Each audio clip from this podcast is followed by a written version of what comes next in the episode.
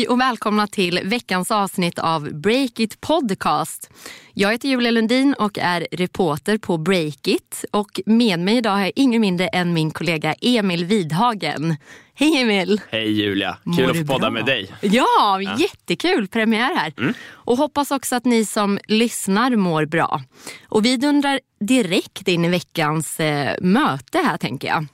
Emil, du har ju varit på techkonferensen Slush, eller hur? Det stämmer. Förra Väldigt veckan. hajpat. Mm, Hajpad konferens. Vi sparar lite på det göttiga därifrån, eller hur? Du ska få berätta om det här. Ja, men jag tänkte faktiskt eh, hålla lite på det till snackisen och prata lite om ett annat möte. Kör. Ja, men jag har satt, eh, på rubriknivå satte jag lönsamma doldis-entreprenören. Så Oh. ska jag utveckla därifrån. Nej, men det fanns såklart massa möten från, från Slash där som man hade kunnat välja men jag buntar ihop dem lite istället. Jag har träffat en kille som heter Emil Sjödin. Eh, jag träffade honom dels in person för några veckor sedan och så gjorde jag också en intervju eh, digitalt med honom lite senare. Då. Han har grundat och är vd för ett bolag som heter Refined. Det är ett SaaS-bolag. Eh, de är baserade i Malmö.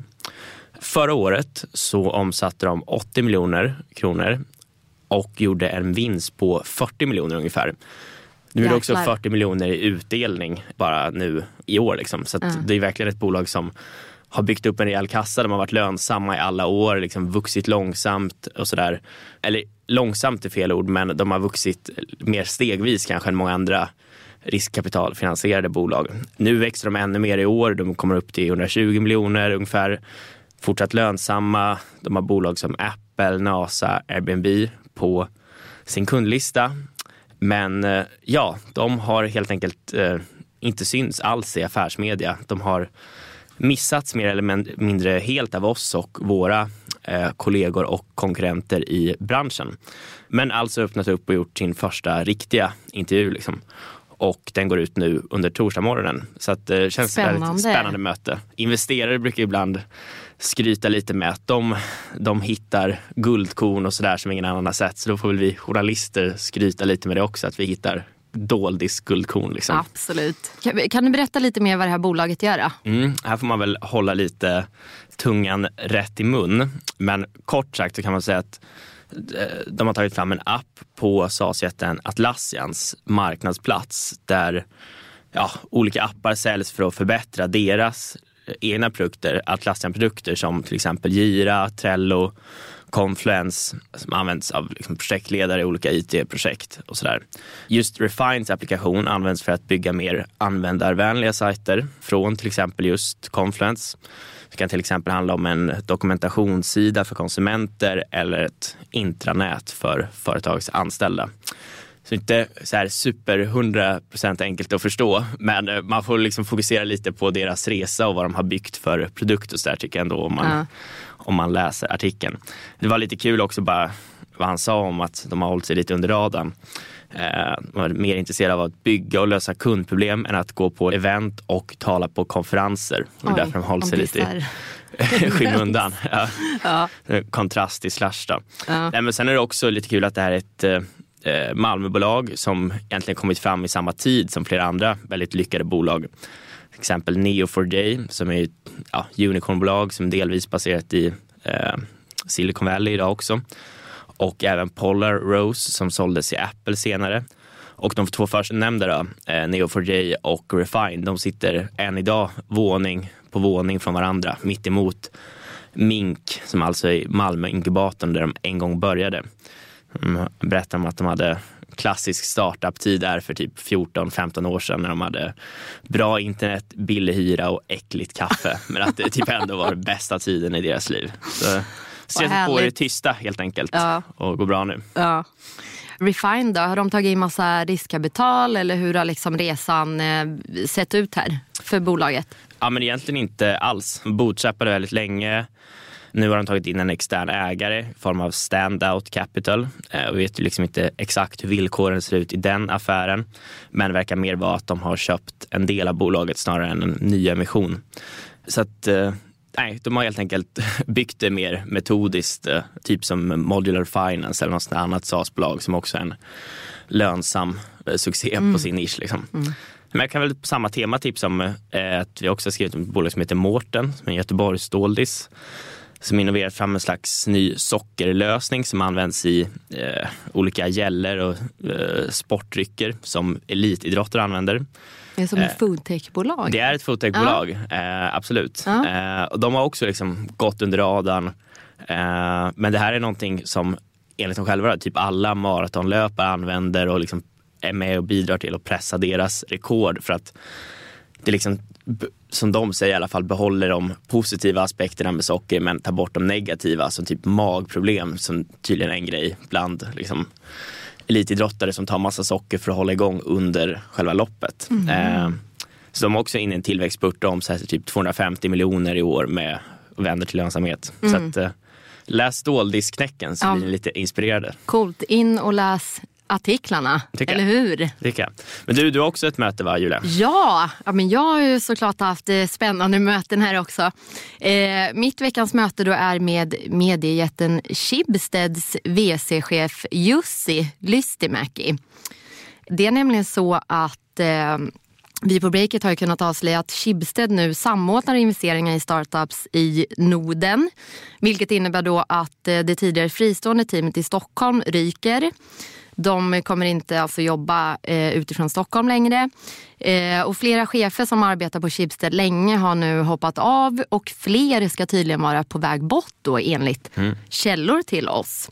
Eh, och de flesta känner ju till Schibsted idag. Alltså de når ju 8 av 10 svenskar varje vecka. Bland annat genom sina stora tidningar då Aftonbladet och, eh, och Svenska Dagbladet. Samtidigt så har de blivit en jätteviktig spelare i riskkapitalbranschen där de har investerat miljarder alltså i, i svenska tech-startups då i tidiga skeden.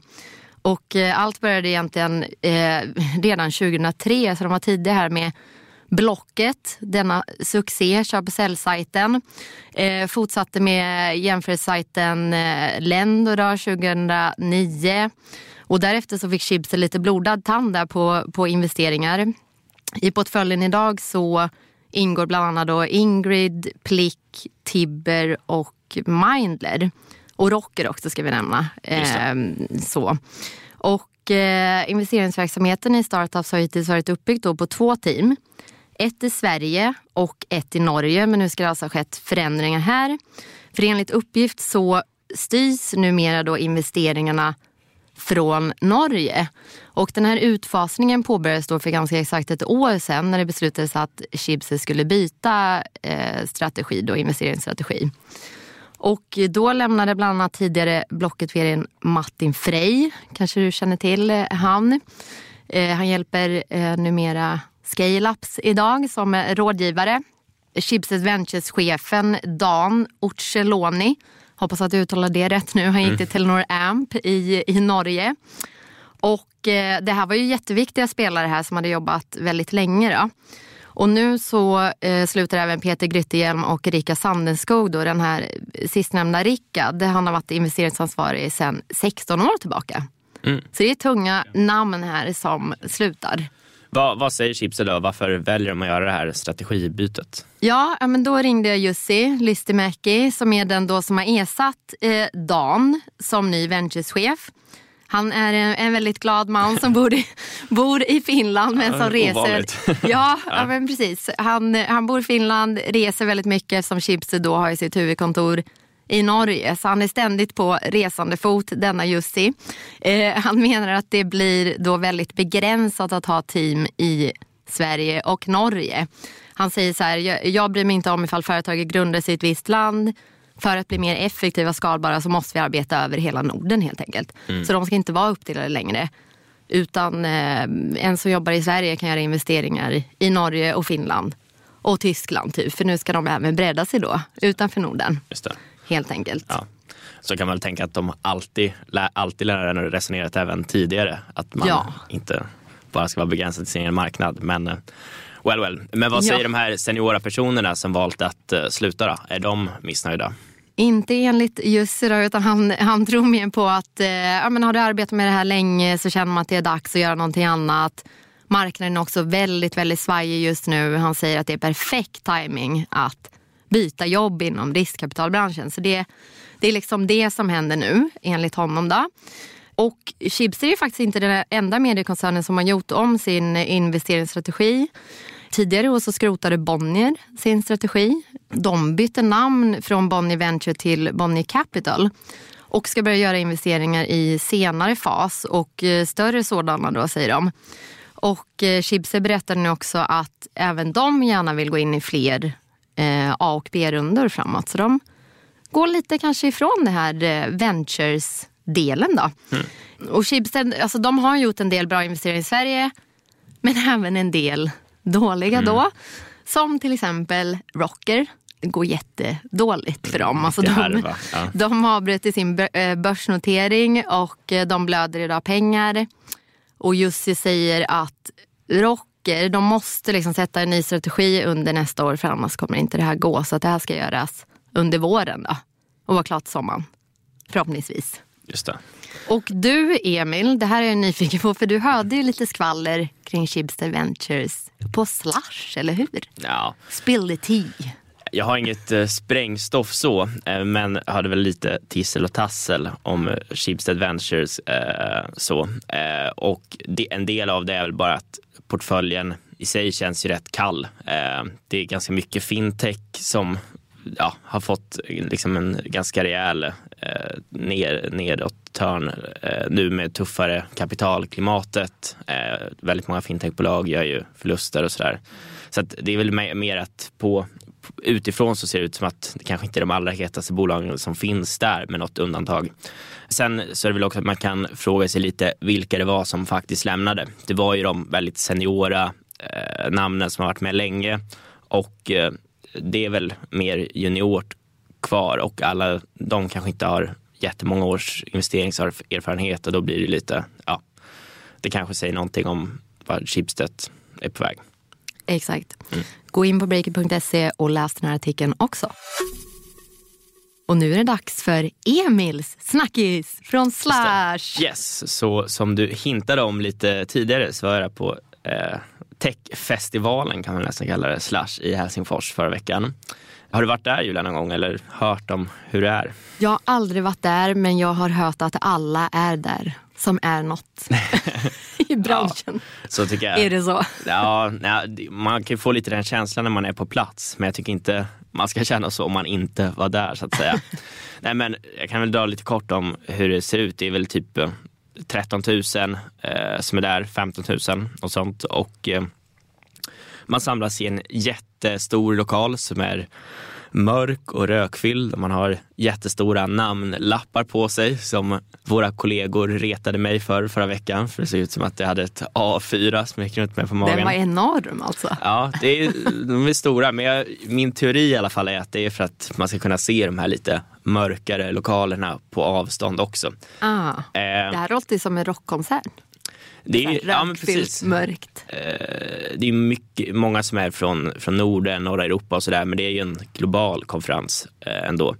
Det är ju eh, kanske tusen som är där som är svenskar tyckte jag såg, eller 900 eller något sånt där. Så det är ändå ganska många som åker över då, från Stockholm och andra delar av Sverige. Och en del av, av liksom lockbetet är väl att det är massa tunga talarnamn. Det är fyra olika scener på plats där man kan gå runt lite och lyssna och det är liksom, ja, Bolt-grundare, Slack-grundare, DoorDash-grundare. Men även sådana som Finlands tidigare premiärminister Sanna Marin, som liksom kommer lite utanför starta på techvärlden. Och ja, tunga, tunga svenska namn också, till exempel Carl Pei som har grundat där här eh, Nothing och eh, ja, men, liksom, kända investerare som Sofia Benz och Johan Brenner på Criandum och sådär. Men sen så är det kanske inte riktigt talarna som många faktiskt lägger sin tid på att lyssna på och inspireras av utan det är mycket boka in möten med liksom, investerare mellan varandra och entreprenörer som åker dit med liksom, ett syfte och det är att träffa VC-fonder och liksom börja ladda upp för nästa kapitalrunda och knyta kontakter där.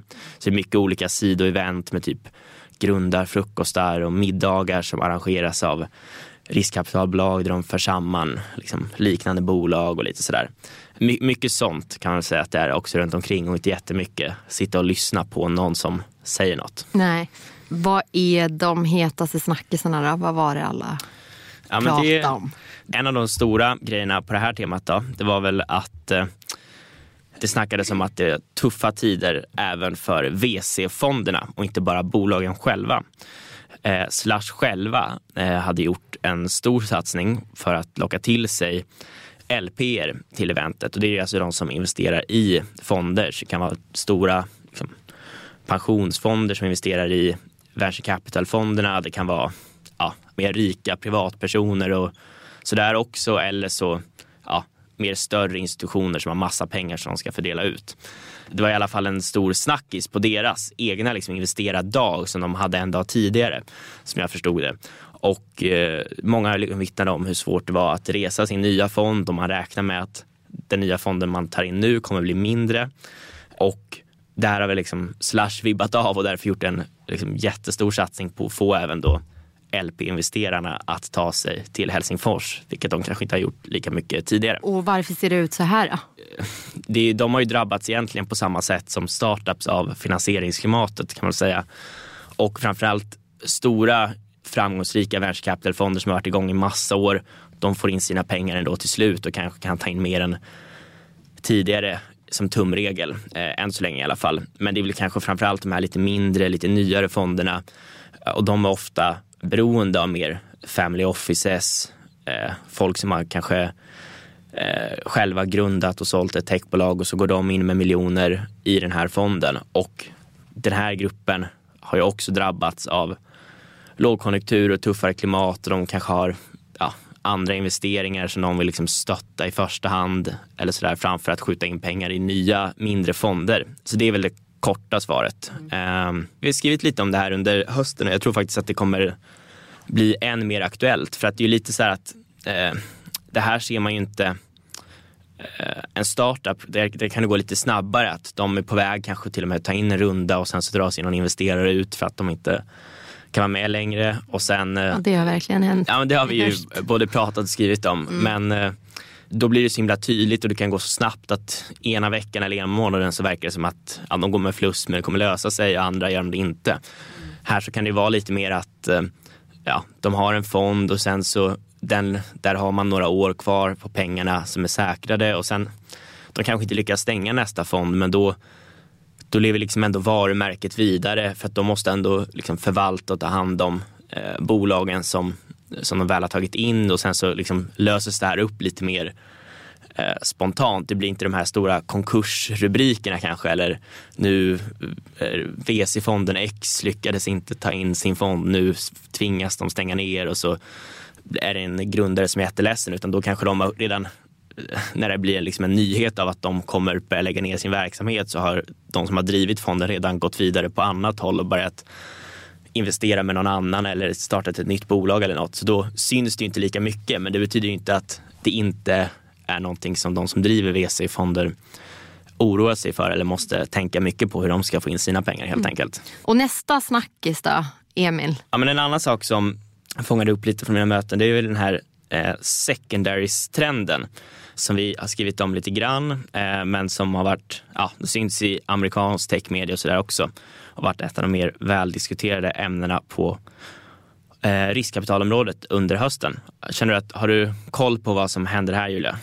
Inte superkoll, så du får gärna ja. dra den. Nej, men det är, ja, kort sagt så kan man säga att det har kommit fram liksom lite nya nischade investerare som inte går in i ett bolag liksom i nyemissioner och är med och skjuter in kapital eh, i techbolagen för att de ska kunna växa och anställa och sådär utan att de snarare reser en fond för att eh, eh, gå in och investera i och liksom köpa ut andra från de här techbolagen som kanske har varit igång och redan tagit in några runder och sen så är det någon eh, VC-firma som vill kliva ur därifrån eller så är det anställda som vill sälja av grundare.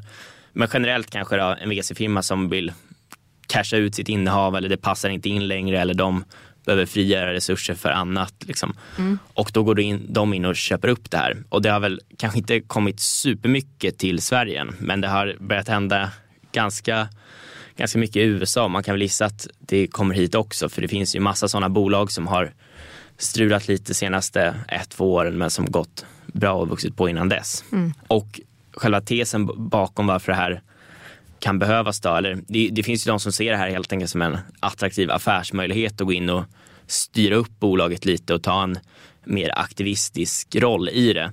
Eh, och tesen är väl kanske att det, det, finns grundare som har blivit lite trötta och som behöver pushas på eller bolaget har stagnerat lite och jobbat på samma sätt. Och mer vanliga VC-firmor då, de, deras affärsmodell är ju att de ska vara väldigt i grunden så var väldigt schyssta mot grundare och var deras kompisar och de vill liksom inte förstöra sitt rykte.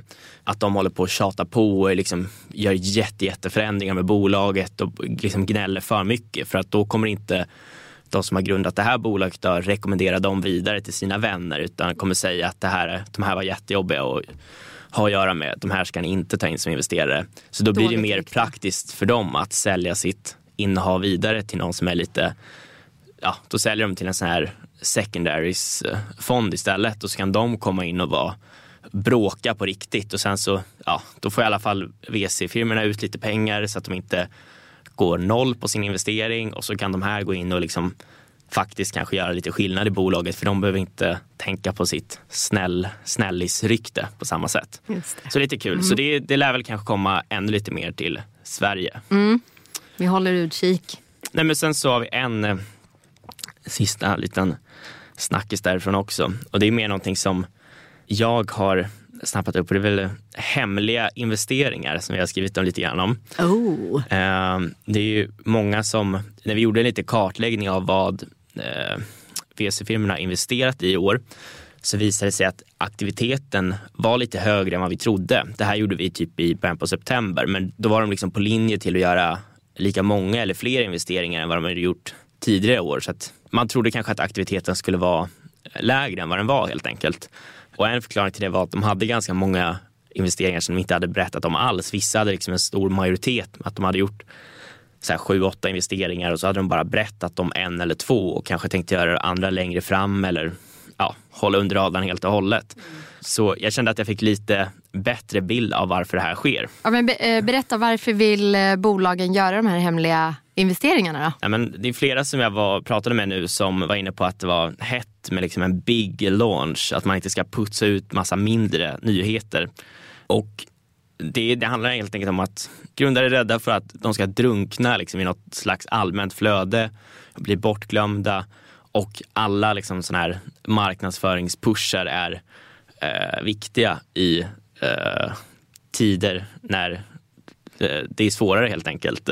Så att då väljer de kanske att annonsera rundan långt senare, till och med när det är dags att börja ta in nästa. För då, då blir det liksom lättare att säga, men så här, det här gjorde vi redan för ett år sedan eller ett och ett halvt år sedan och sen dess har vi liksom utvecklats ännu bättre och då kan man ja, då blir det liksom att nästa investerare hör av sig redan när de ser nyheter om att de tog in sin förra runda. Mm, och vill vara med på nästa då? Ja men precis, för att då liksom, annars kanske de tänker att eh, nu tog vi in, man tar in pengar, man får lite nya kontakter sådär men sen så rinner det ut i sanden tills ja. när det är dags två år senare att göra någonting av det här på nytt. Så jag vet inte, vi såg något exempel på det här bara nu i veckan. Nu vet vi inte anledningen bakom det men eh, Henrik Grimm som tidigare ledde Capchase i Europa och har jobbat på Northzone tidigare så där, som har startat ett nytt fintechbolag som heter Mimmo. Och de tog in drygt 50 miljoner från kollegorna, gamla kollegorna på Northzone bland annat. Men de ställer inte upp på intervju och vill inte säga någonting nu helt enkelt. Så att, eh, kanske ett tecken i tiden då på att de egentligen hellre vill eh, behålla nyheten och liksom putsa ut när de ska göra sin stora, för de har inte lanserat fullt ut utan Nej. då vill de kanske annonsera ut det när Eh, de lanserar sin produkt också för då blir det lite dubbla effekter. Att wow, de har tagit in massa pengar och wow, nu lanserar de sin nya coola produkt och då liksom Enormt. blir det en big gång. launch mm. snarare att man putsar ut de här små nyheterna. Mm. Ja, men nu har jag pratat länge. Nu ska ja, vi men det är höra vad du... jätteintressant. Vi har fått ja. massa härliga trender här Emil. Mm. I like it. Ja, men veckans snackis från Julia då, här. Eh, det handlar om skatteanstånd och jag hoppas att ni har läst den här artikeln. Eh, I veckan publicerade vi nämligen en stor granskning om de höga skatteanstånden som svenska techbolag har sökt efter coronapandemin det var ju lite så eh, att covid blev ju ett jätteåtslag för många svenska företag. Framförallt då inom branscherna handel, restaurang och bygg. Men även techbolag hade det svårt att gå runt. Och i fjol så fick vi se en enorm varselvåg dra fram eh, som vi skrev mycket om på breakit.se. Och för att företagen skulle slippa säga upp allt för mycket eh, personal så beslutade regeringen om att införa det här tillfälliga skatteanståndet. Och man kan kalla det för en konstgjord andning helt enkelt som sen skulle betalas tillbaka. Så det var ett lån helt enkelt. Eh, och eh, det här blev ju ett enormt tryck. Eh, 63 000 bolag ansökte. Skatteverket har beviljat anstånd på 160 miljarder. Väldigt mycket pengar. Eh, och här fanns då många techbolag som, som vi bevakar. Och vår granskning visar att 170 bolag fortfarande har en skuld eh, kvar att betala till Skatteverket.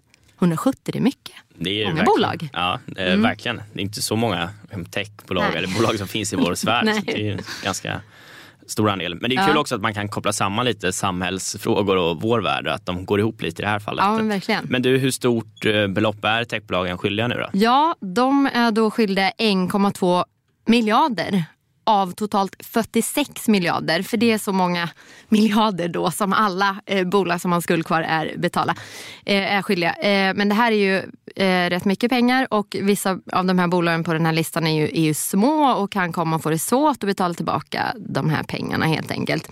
Och det har varit eh, möjligt att ansöka då om det här skatteanståndet ända till sista september i, i år. Så den här perioden har utökats i flera steg.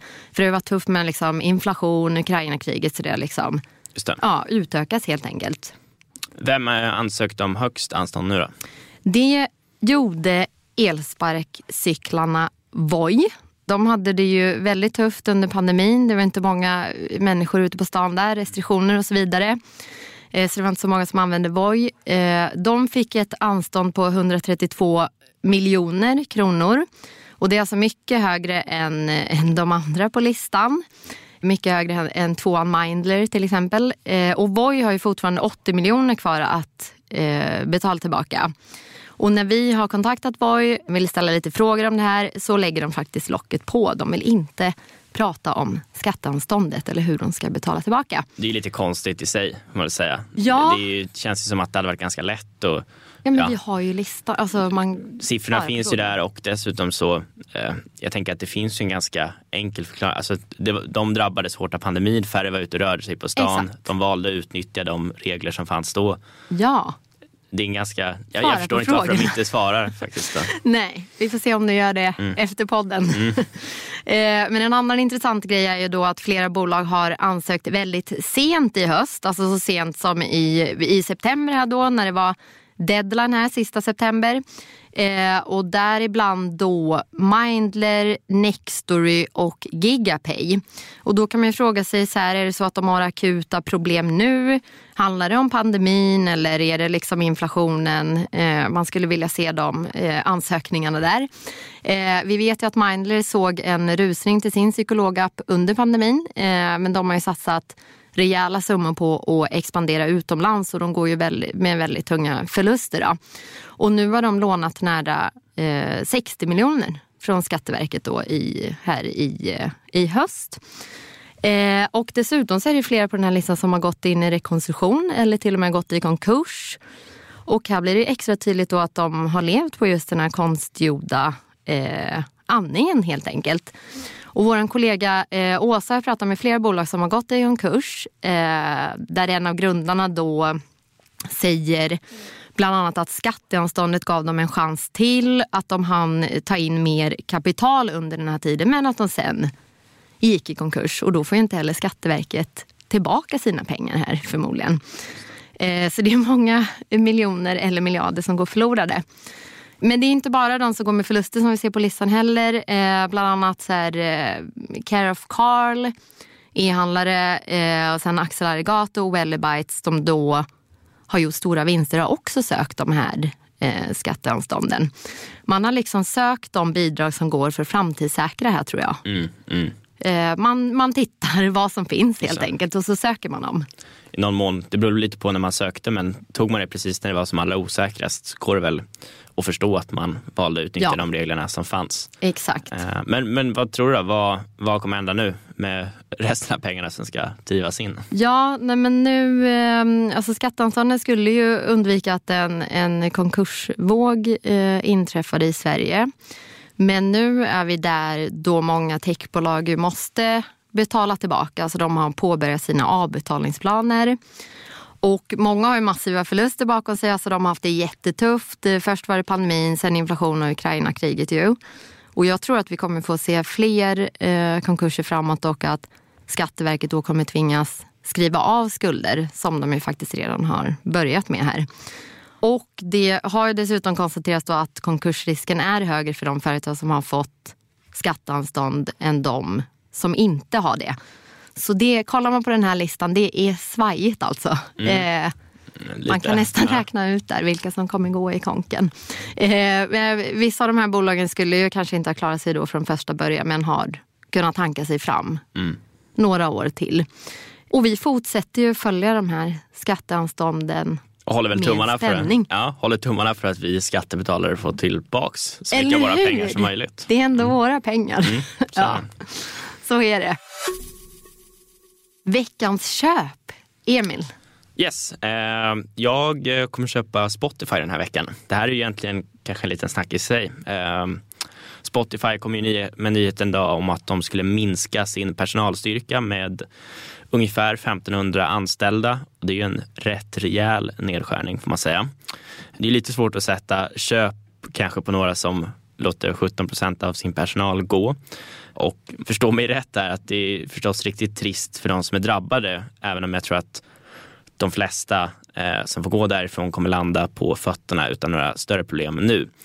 Men i kort så är ju Spotify liksom en fantastisk tjänst som väldigt många använder och uppskattar mycket som konsument. Men de har väl dragit på sig för stora kostnader och man får väl se det som att de tar ett smärtsamt men nödvändigt beslut eh, nu för att öka sina marginaler längre fram. Mm, kan man säga något om varför Spotify gör det här nu? Det är väl att finansieringsmarknaden med väldigt låga räntor ledde till att de har experimenterat mycket affärsmässigt och testat massa olika saker och eh, den här finansieringsmarknaden har väl lett fram till ineffektiva kapitalallokeringar även inom bolag som i grunden är bra och inte bara leder till att det slår ut dåliga affärsidéer.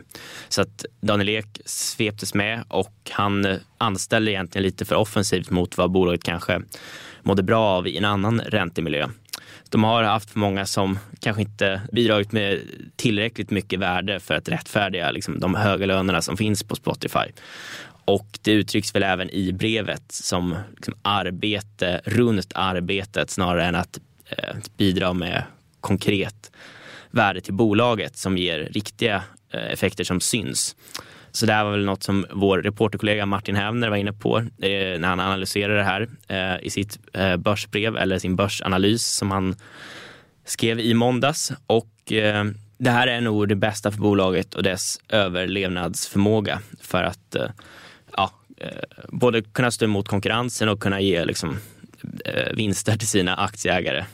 Och där gillades ja, börsen som ökade med drygt 6% redan första dagen och har varit kvar på ungefär samma nivåer nu inspelande stund på torsdag morgon i alla fall. Så det säger väl någonting om att det kanske var ett nödvändigt men tufft beslut trots allt. Så därför blir mitt köp Spotify. Yes. Och eh, mitt köp då är ett investerarnätverk som heter Radcap. Eh, idag går ju endast 0,5 procent av svenska riskkapitalet till bolag som har grundats av kvinnor. Därför så vill jag lyfta då Radcap som är eh, ett nytt kvinnligt investerarnätverk som investerar i eh, tillväxtbolag med minst 50 procent kvinnor. Och de gör nu sin första investering i hantverkarappen Dan tillsammans då med de befintliga ägarna Almi, Antler och Geos Ventures. Och det här handlar om en nyemission då på 4,3 miljoner. Radcap vill, jag har frågat dem, de vill inte säga hur mycket de har gått in med.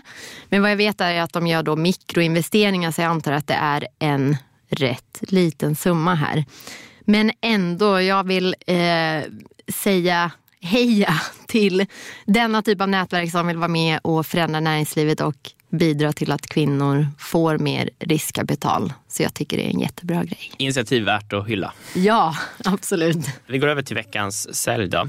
Och eh, då eh, säljer jag Go North, techbolaget som är Ja, man får säga att de är i akut finansiell kris. De har sagt upp folk under hösten och de har eh, kassaflödesproblem, mycket annat riktigt tufft. Eh, och förra veckan kom i alla fall Go North med sin delårsrapport för tredje kvartalet och visade på, ja men som sagt, brutalt negativt eh, kassaflöde och stora skulder. Men det är egentligen inte därför bara som de blir min sälj den här veckan, eh, utan de gjorde en liten miss i sin rapport. Eh, I första version så visade den att operativa kassaflödet uppgick till minus 250 miljoner kronor under tredje kvartalet. De här uppgifterna fick vi korrigera sen i vår artikel för då eh, visade det sig att det inte stämde. Egentligen så var det bara minus 165 miljoner, också ganska mycket. Men det betyder alltså att de hade räknat fel på 92 miljoner kronor. Eh, fått 92 miljoner kronor fel i sin rapport. Skrev att de hade upptäckt ett mindre fel. Och alla kan göra fel, men jag tror att många undrar sig då vad ett stort fel är om man räknar fel på 90 miljoner. Eller vad säger Julia? ja, men, we noticed the small error. Alltså ja. de har ju verkligen eh, försökt tona ner det hela eh, här. Eh, jag kan tänka mig att deras CFO har suttit och svettats rejält då när, när den här personen upptäckte det här inte så lilla felet. Jobbigt. Nej. Verkligen. Ja. men vad är din sälj Julia? Ja men min sälj är nischen elmotorcyklar slash elmopeder. Eh, de verkar ha det väldigt eh, tufft just nu. I veckan så skrev vi om elmotorcyklarna Regent eh, som tvingas då kasta in handduken. Breakit har tidigare kunnat berätta att bolaget dragits med stora skulder och på mycket kort tid bytt vd flera gånger. Och deras eh, omsättning växte i fjol från 4,9 till 16,8 miljoner men minusresultatet svällde från 33,9 till 55,5 miljoner. Så det här bara växer ju. Eh, och bolaget fyllde faktiskt kassan så sent som i november. Eh, precis alltså, med 14 mm. miljoner. Eh, och den utlösande faktorn för konkursen då eh, verkar vara att eh, Regent hade som prognos att sälja många fler motorcyklar än vad de gjorde under, under 2023. Prognosen låg på cirka 800 stycken men de har bara sålt runt 150. Så det här är en femtedel. Det är ganska många färre. Också ett räknefel. Mm. Ja, mm. Det, det, är också ett räknefel kan man mm. säga. Eh, och det här verkar ju vara en jättetuff eh, bransch med eh, alltså dyr produktion. Man måste betala i förskott för eh, komponenter.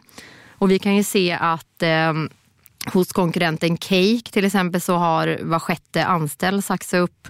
Och Vessla då som gör eh, elmopeder har ju gått in i rekonstruktion också. Mm. Så att det är tufft i, i den här branschen. Jag tänker också på elbåtarna Xshore Just som ju också det. haft det stuligt. Jag tänker att det är lite samma sak, att den sortens bolag som blir svårare att driva när konsumenter håller igen lite mer och att det här Exakt. är kanske är saker som få klimatet och världen kan man argumentera för behöver det. Men eh, konsumenter kanske inte prioriterar att byta ut det man har nu mot ett elalternativ som är dyrare i den här marknaden och då blir det också rätt svårt att driva ett sånt här bolag. Exakt så. Eh, vi följer det här, även elbåtarna, med spänning. Det var allt för denna vecka. Tack allt. Emil. Tack Julia. Vad kul det var. Ja, verkligen. Eh, och nästa vecka så blir sista poddinspelningen för året. Då, och då så ska vi sammanfatta allt det heta som har hänt under techåret 2023. Det måste man ju bara lyssna på, eller hur? Spännande. Ja, vi hörs då. gör vi. Hej då.